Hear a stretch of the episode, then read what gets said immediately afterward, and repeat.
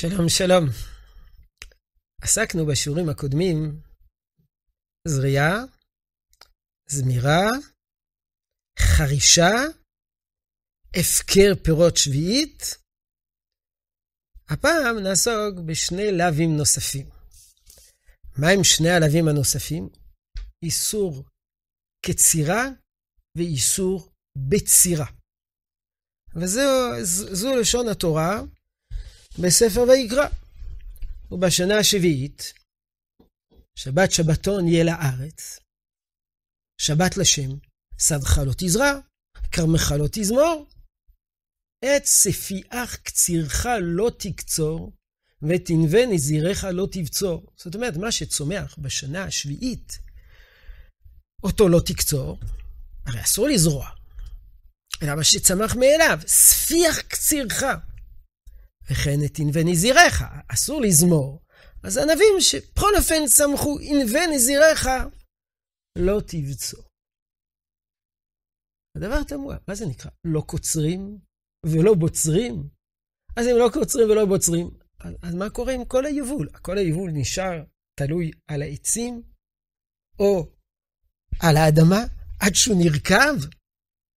המשך הפסוק, שנת שבתון היא לארץ, והייתה שבת הארץ לכם לאוכלה לך ולעבדך ולאמתך ולסירך ולתושב הגרים עמך.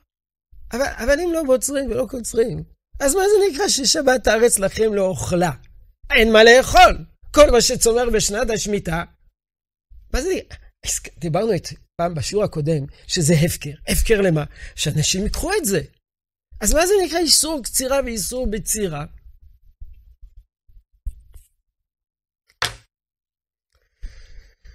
בספרה, וכן זה במשנה, ספרה זה מדרש הלכה, וכן זה במשנה במסכת שביעית. הדברים מתבארים בצורה כזאת. לא תבצור, לא תבצור כדרך הבוצרים. מה הכוונה לא תבצור כדרך הבוצרים? מכאן אמרו, תאנים של שביעית, אין קוצין אותם במוקצה, אבל קוצה אותה, קוצה אתה בחורבה. אין דורכים את הענבים בגת, אבל דורכים בערבה. אין עושים זיתים בבת ובקוטבי, אבל קוטש ומכניס לבדידה. כל המונחים האלה לא מספיק אה, ברורים, אבל הכוונה שלאחר הקציר ולאחר הבציר, כשאתה מטפל בתוצרת וביבול, אתה תטפל בו לא בכלים גדולים, ענבים בגת, אל תדרור בגת, אלא דורכים בערבה, כלי קטן. אין עושים את הזיתים בבד, אבל קוטש, קוטש, קוטש. הוא מכניס לבדידה, כלי קטן. דבר מפתיע. מכיוון שכל הדוגמאות שמופיעות כאן, כמו שציין הרש סירי ירליו, אחד ממפרשי ירושלמי, כל השינויים האלה ש... שמוזכרים כאן בספרה, וכאין זה במשנה, במסרת שביעית, בפרק השמיני, זה שינויים לא בשעת הקציר, או לא בשעת הבציר, לא כאשר הפרי מחובר, אלא כלשונו בתלוש. זה בעיבוד. בעיבוד של הפרי, אחרי שקצרתי אותו. אבל כתוב בתורה, לא תקצור ולא תבצור. וכל השינויים האלה שמוזכרים בחז"ל, זה שינויים ש, ש, שהם לא בשעת הקציר ולא בשעת הבציר, אלא זה שינויים שנדרשים בהמשך, בשעת העיבוד, בשעת הייצור, בשעת הפקת הפקת האוכל, הפקת היין, הפקת השמן, או תאנים שמייבשים אותם, לא לייבש אותם במקום גדול, לייבש אותם במקום קטן. אכן הגר"א סבר שמה שכתוב במשנה זה בנוסף למה שכתוב במשנה, כל השינויים האלה, שמופיעים במשנה ובספרה, זה בנוסף למה שכתוב לא תבצור כדרך הבוצרים. ובנוסף לכך, אז מה צריכים לעשות? אמר הגר"א, לתלוש ביד. כי כשאתה תולש ביד, אתה לא בוצר. צריך להיות שינוי בשעת הבצירה, ושינוי בשעת הקצירה. והשינוי הזה הוא שינוי החלטי. באופן כזה, לא שאתה בוצר בשינוי, אתה לא בוצר. כי לבצור זו שיטה מאוד מסוימת. ואם אתה קוטף או תולש את, ה, את הפרי, זה לא נקרא שאתה בוצר. ולכן מה שכתוב בתורה, זה מדויק. לא תקצור ולא תבצור. הרב קוק מסכן את הדברים משבת הארץ, שבמחובר אין שום היתר של בצירה. וכל מה שהותר על ידי שינוי לא הותר כי אם במה שכבר נתלש. ועצם התלישה מן המחובר צריך שתהיה דווקא על ידי כיתוף ותלישה ביד, ולא על ידי שום קצירה או בצירה, אפילו אם אינה כדרך הקוצרים והבוצרים. אבל זו שיטת uh, הגר"א. אנחנו נתמקד בעיקר בשיטת הרמב"ם. הרמב"ם פירושו למשנה, סליחה, הרמב"ם בספר המצוות. כשהוא בא להגדיר את הלאווים האלה, לא לקצור ולא לבצור, כותב הרמב"ם, המצווה הרכ"ב היא שהזהירנו מקצור מה שתצמיח הארץ מעצמה בשנה השביעית, כמו שנקצור כל שנה. באמת, הדרישה היא שלא נקצור כמו בכל שנה. אבל במה זה בא לידי ביטוי? מה, מה, הרמב"ם לא מפרט.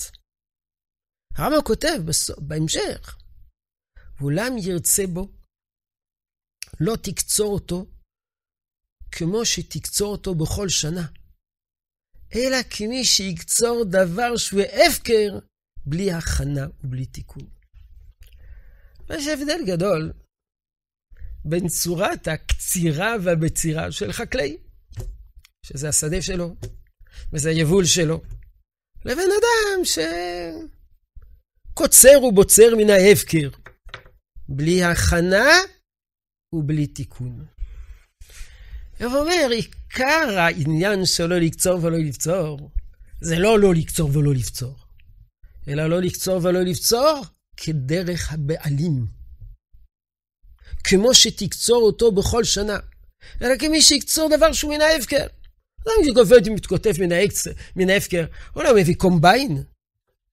בלי הכנה ובלתי תיקון, בצורה לא מקצועית, בצורה אקראית, בצורה חפוזה, אולי בכמויות קטנות.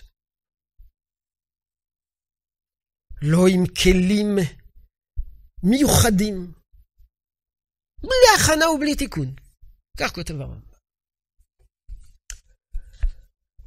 זה באמת מתייחס לקצירה ולבצירה. ומה זה כל השינויים שאדם צריך לעשות בהמשך? דהיינו שבעיבוד גם אדם צריך לשנות? נדון בזה מיד. אבל בואו נראה כיצד הרמב"ם הגדיר את המצווה הזאת אה, במשנה תורה, בהלכות שמיטה ויובל. שם כבר הרמב"ם מגדיר באופן יותר מדויק מהו האיסור. כותב הרמב"ם, כל מה שתוציא הארץ בשנה שביעית, הכל מותר לאוכלו מן התורה, שנאמר, והייתה שבת הארץ לכם לאוכלה. וזה שנאמר, את ספיח קצירך לא תקצור, שלא ייצור כדרך שקוצר כל שנה. עד כאן אנחנו כבר יודעים. ואם קוצר כדרך הקוצרים לוקה, הכיצד? כותב הרמב"ם, כגון שקוצר כל השדה, והעמיד קרי ודש בבקר. כל השדה העמיד קרי ודש בבקר. אלא מה צריך לעשות? אלא קוצר מעט מעט. זה כנגד קוצר כל השדה, במקום זאת הוא קוצר מעט מעט. וחובט, במקום להעמיד קרי ולדוש בבקר, חובט ואוכל. אז אנחנו כבר מבינים. לא כדרך הבעלים שאוסף את כל היבול על מנת לשמור אותו, למכור אותו, אלא קוצר על מנת לאכול. אדם שקוצר על מנת לאכול, מה הוא עושה? קוצר מעט.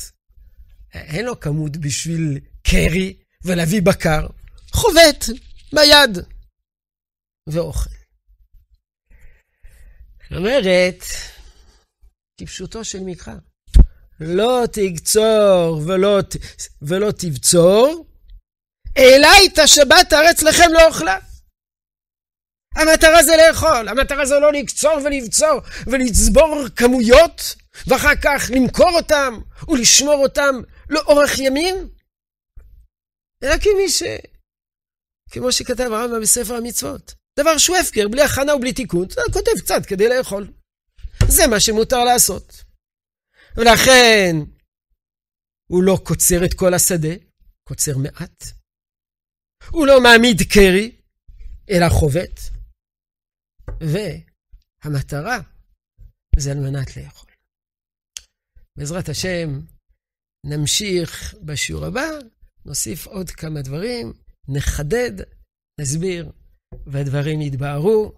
שלום, שלום.